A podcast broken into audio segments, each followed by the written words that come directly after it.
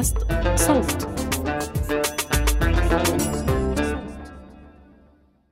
أطلق وزير البيئة وزير الزراعة المكلف صالح الخرابشي مشروع التحريج الوطني لزراعة عشرة ملايين شجرة حرجية لزيادة كثافة الغطاء النباتي في المملكة. كثير مشاريع مثل اللي هلأ سمعنا عنها تطلع كل كم سنة. الأردن بدها تزرع 10 ملايين شجرة. سنغافورة بدها تزرع مليون شجرة. الهند زرعت 50 مليون شجرة في يوم واحد. الشجرة بتلعب دور مهم في توازن كوكبنا. فالأشجار والنباتات تبقينا على قيد الحياة من خلال توفير الأكسجين اللازم للتنفس من جهة وامتصاص غاز ثاني أكسيد الكربون من جهة أخرى من خلال عملية التمثيل الضوئي واللي بيساعد في تقليل آثار الاحتباس الحراري والتغير المناخي اللي غطيناهم بتعمق في الموسم الأول.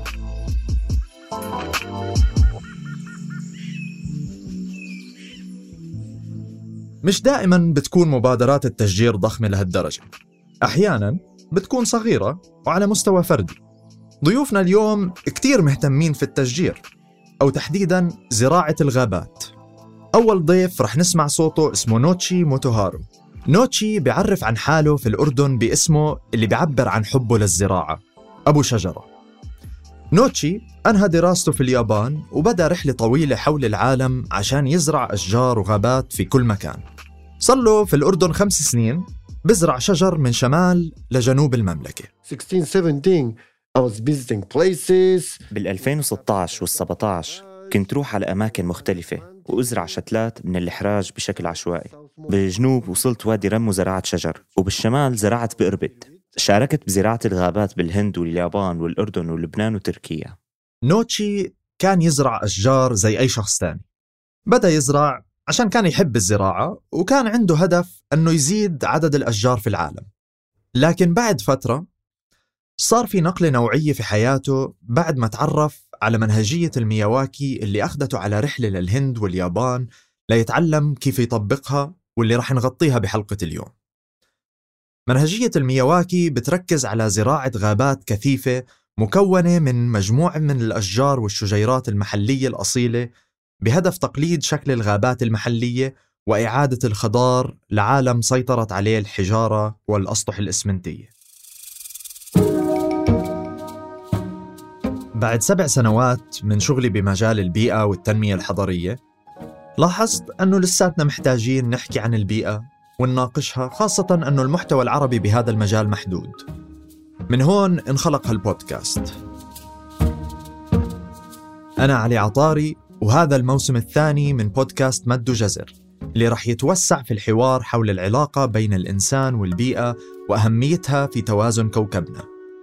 هذا العمل من إنتاج صوت بالتعاون مع مؤسسة فريدريش إيبرت.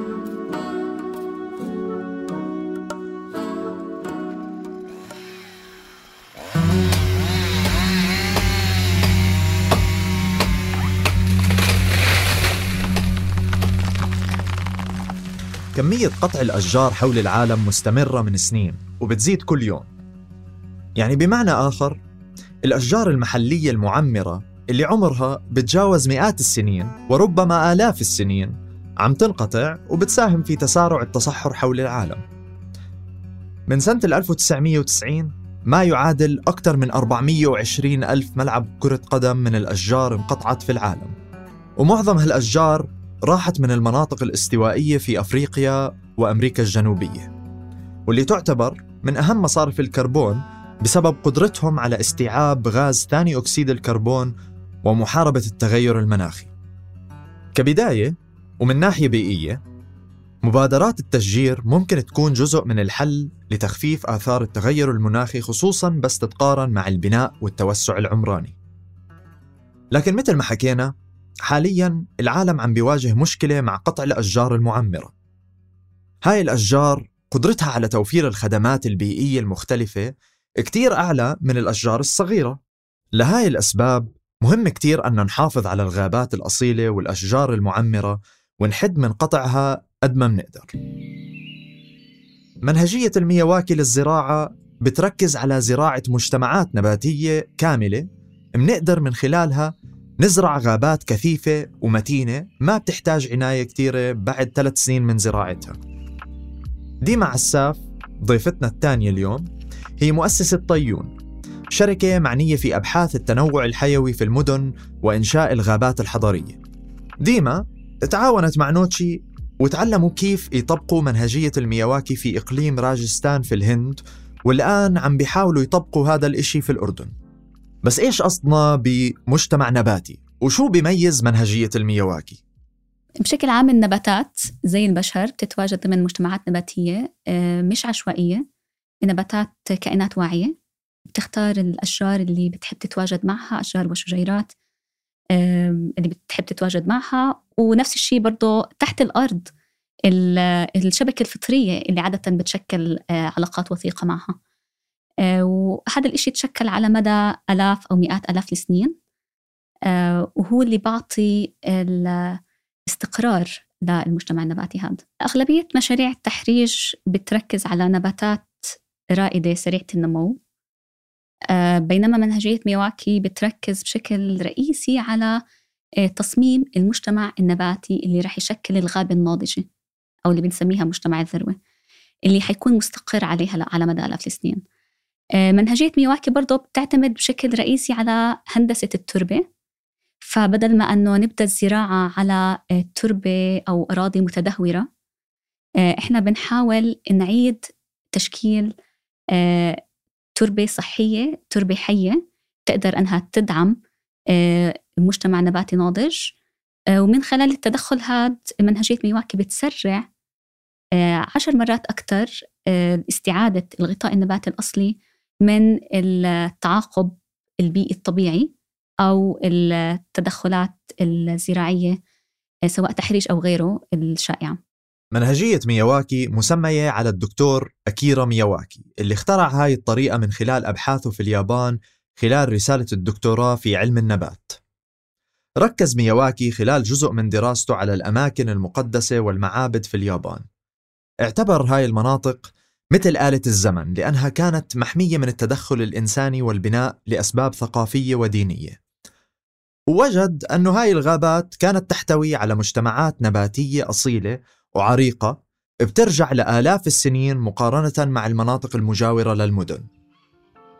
هلأ اللي لاحظوا مع السنين أنه الأنواع الأصيلة دائما كانت تتصدى للكوارث الطبيعية بشكل أحسن. فقرر أنه يبلش يزرع غابات أصيلة ليحاول يعيد هالأشجار لمحلها وابتكر منهجية ليسرع العملية واللي زرع عن طريقها فوق ال 40 مليون شجرة في 15 دولة. ممكن أنه سرعة النمو هي اللي بتميز هاي المنهجية لأنه الزراعة بتتم باستخدام شتلات صغيرة وضعيفة ومهددة من أي تدخلات إنسانية أو حيوانية. فالهدف من خلق البيئة المثالية للنمو هو تسريع عملية النضوج للأشجار.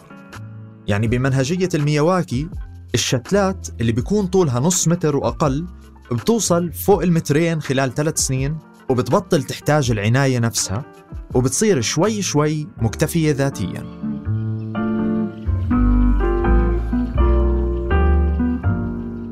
من أهم الأشياء اللي لاحظها كانت بعد تسونامي 2011 اللي تسبب في تسرب المفاعل النووي في فوكوشيما. لاحظ ميواكي أنه مع كل الضرر اللي صار في المنطقة بعض الأشجار ظلت واقفة وثابتة. هاي الأشجار هي من الأشجار الأصيلة في المنطقة. فقرر ميواكي أنه يبادر في زراعة ملايين الأشجار الأصيلة كخط دفاع ضد خطر السونامي لأنها بتحتوي على أنظمة جذور عميقة وثابتة وشكل الشجرة بسمح لها أنها تستوعب صدمات من هذا النوع بشكل فعال. مع أنه خطر السونامي ما بيمتد لكل دول العالم هذه النقطة لازم تخلينا نفكر بأهمية أنواع النباتات اللي منزرعها لأنها تطورت على آلاف السنين للبيئة المحلية وهذا التطور ما بيجي بشكل عشوائي بيجي لأنه هذا أكثر نبات مناسب للمكان اللي بنوجد فيه.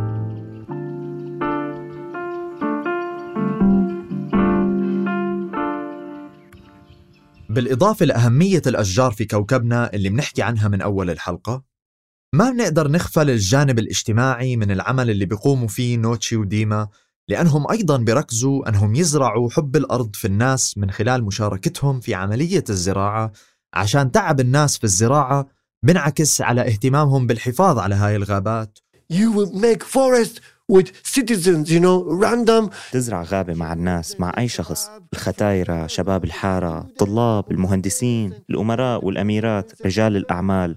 جد كتير بتسلي. وبس تكون عم تزرع وتكون قاعد. ركبك على الأرض ماسك التراب وعرقان. ما بيفرق مين أنت. ما بيفرق قديش بتطلع مصاري أو شو منصبك. هاي التجربة كتير مهمة للحياة برأيي. ممكن نتساءل كيف هالمنهجية اليابانية رح تنجح في الأردن؟ يعني اليابان عنده موارد مائية كتيرة والأردن من أفقر دول العالم في مصادر المياه. بس إذا ركزنا على تفاصيل هالمنهجية منلاحظ أنه قبل الزراعة في مرحلة بحث عن نوع النبات الخاص في منطقة الزراعة. من حواري مع ديما ونوتشي يبدو أن هذا البحث بدخل في تفاصيل كثيرة مثل نوع التربة والنبات الموجود في المنطقة المجاورة. لكن أيضا بتضمن رحلة في الزمن مثل ما دكتور أكيرا مياواكي لاحظ في مناطق المعابد. نوتشي وديما أيضا بيحاولوا يشوفوا إذا كان في أشجار محلية بطلت موجودة بسبب الزحف العمراني. وبتطلعوا على صور قديمة للمنطقة وبيعملوا رحلات ميدانية عديدة ليشوفوا إذا في أي ملاحظات ممكن تعطيهم فكرة عن أنسب نباتات للمنطقة. وأكيد في حال الأردن وجود هالنباتات رح يكون معتمد على المناخ والموارد الطبيعية المحلية وقدرتهم على التكيف على هاي المتغيرات. هذا البحث في النبات المحلي الأصيل مهم لأنه في البلد نفسها أو في المدينة نفسها منلاقي المناخ بيختلف من مكان لآخر. اللي منقدر نستنتجه أنه الحدود الجيوسياسية ما بتحدد شو النبات المناسب نزرعه. في عوامل مثل الارتفاع عن سطح البحر معدل كمية هطول الأمطار السنوي كمية الشمس اللي بتوصل المنطقة ونوع التربة كلها بتساعدنا أن نختار. حسب الدراسات حوالي 93 ل 97% من مياه الأمطار هاي بترجع تتبخر. من خلال المنهجية إحنا بنركز إضافة للجانب الفني من الموضوع كيفية اختيار المجتمع النباتي وكيفية هندسة التربة بنركز على توافر الحماية وتوافر المتابعة بالفترة الأولى للتأسيس لاستدامة التدخل هذا. من ناحية كمية المي مقارنة بمشاريع أخرى آم، يعني إحنا تم إعلامنا أنه المي اللي عم آه، تستهلك لسقاية غابة ميواكي خلال التأسيس تقريبا 10% إذا مش أقل من كمية السقاية للتخدير الحضري بطرق أخرى. غير اللي ذكرته ديما الأشجار مع إنها بتحتاج مي لتنمو. بعد مرحلة الأساس اللي ذكرتها توصل مرحلة اكتفاء بتبطل تحتاج عناية مستمرة وبتعتمد على التغيرات الطبيعية للنمو والبقاء. وكمان مهم نعرف أنه الغطاء النباتي بقلل من سرعة جريان المياه واللي بيساعد في استيعاب كميات أكثر من مياه الأمطار. هذا بيساعد على تغذية المياه الجوفية وبقلل من الضغط على البنية التحتية المسؤولة عن تصريف مياه الأمطار. ومثل مثال السونامي كمان بنقدر نستنتج أنه الأشجار بتساعدنا على التأقلم والتصدي لبعض الكوارث الطبيعية. وفي حال مدينة عمان مثلا هاي عم تيجي على شكل سيول. هاي أحد الأسباب اللي ممكن تشجعنا أنه نطبق هاي المنهجية في المدن خصوصا أنه في كتير فضلات وأراضي مهملة ممكن نستفيد منها. بس طبعا هاي المنهجية ممكن تتطبق في أي مكان وديما رح تشرح لنا ليش. آه، منهجية ميواكي بتعطينا آه، مجال أنه نستعيد الغطاء النباتي الأصلي ضمن مساحات صغيرة داخل المدينة آه، وبتعطينا فوائد كتير أكتر من الزراعات العادية كونها تقريبا أكثر كثافة 30 مرة من الزراعات العادية. فلما نحكي على تنقية الهواء كيف ممكن تشتغل كاسفنجات حضرية تساعدنا بهطول الأمطار والفيضانات اللي بتصير كل سنة. آه، أو حتى آه، تثبيت الكربون وتلطيف الجو وتقليل درجات الحرارة. آه، بنفس الوقت ممكن تكون منهجية مياواكي آه، جزء من آه، الزراعة الحراجية تكون عم بتقدم آه، خدمات نظم بيئية للإنتاج الزراعي على سبيل المثال.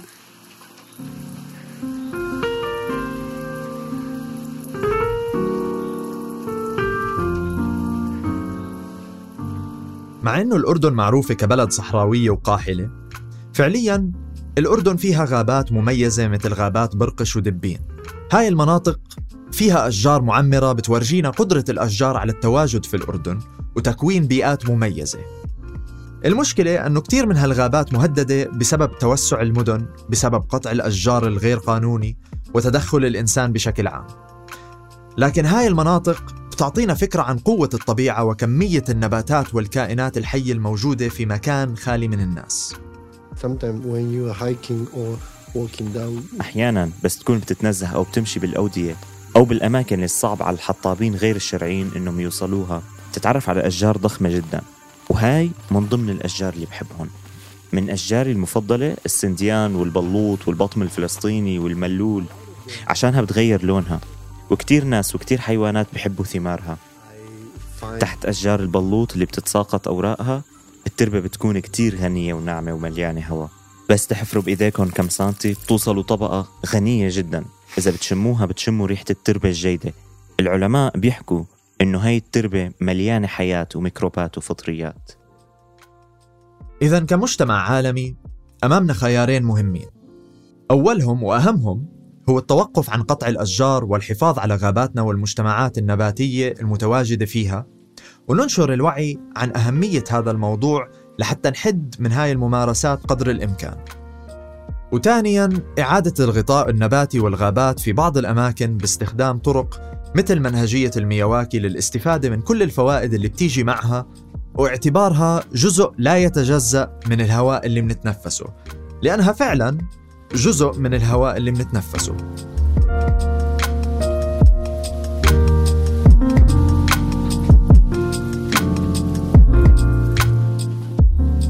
هاي الحلقة من إعدادي وتقديمي أنا علي عطاري.